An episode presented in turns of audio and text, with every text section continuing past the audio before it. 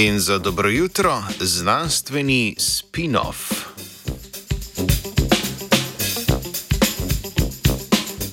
Mednarodna raziskovalna skupina je preučila vpliv objavljanja znanstvenih člankov v odprtem dostopu na znanstvene prakse in razvoj aplikativnih tehnologij. Svoje izsledke je v prostem dostopu objavila v reviji iScience.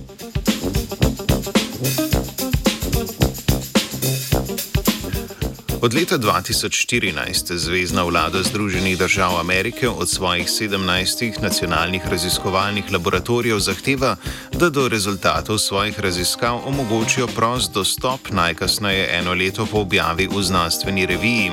Primerjava navad objavljanja in citiranost teh ustanov z denimo univerzami, ki v ZDA praviloma niso javnega značaja, tako predstavlja eksperiment s kontrolno skupino.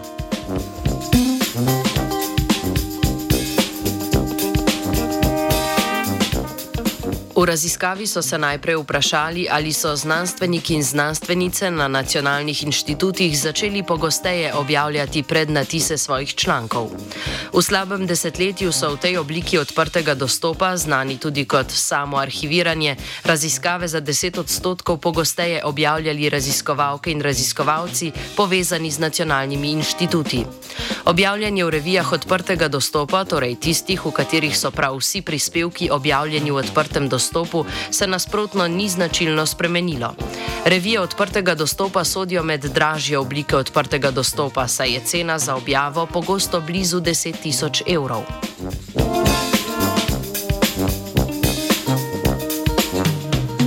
Druga plat raziskave se je nanašala na vplivnost objav v eni izmed oblik odprtega dostopa.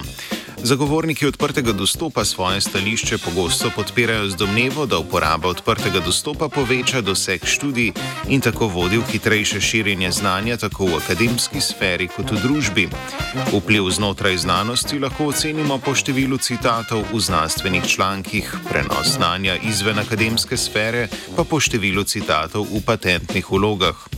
Citiranost se je značilno povečala le v patentnih vlogah, natančneje za 42 odstotkov. Od teh patentov so skoraj vse vložila manjša podjetja.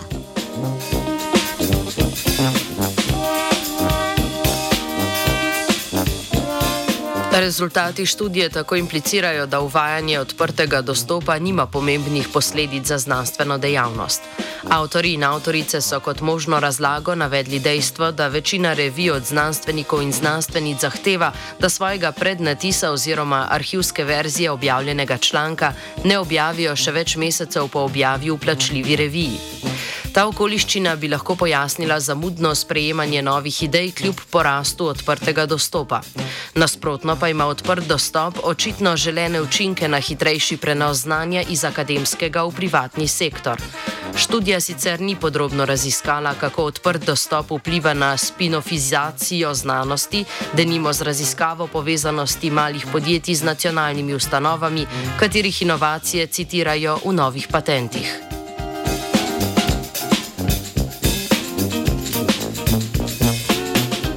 Znanstveni spin-off je pripravil Martin.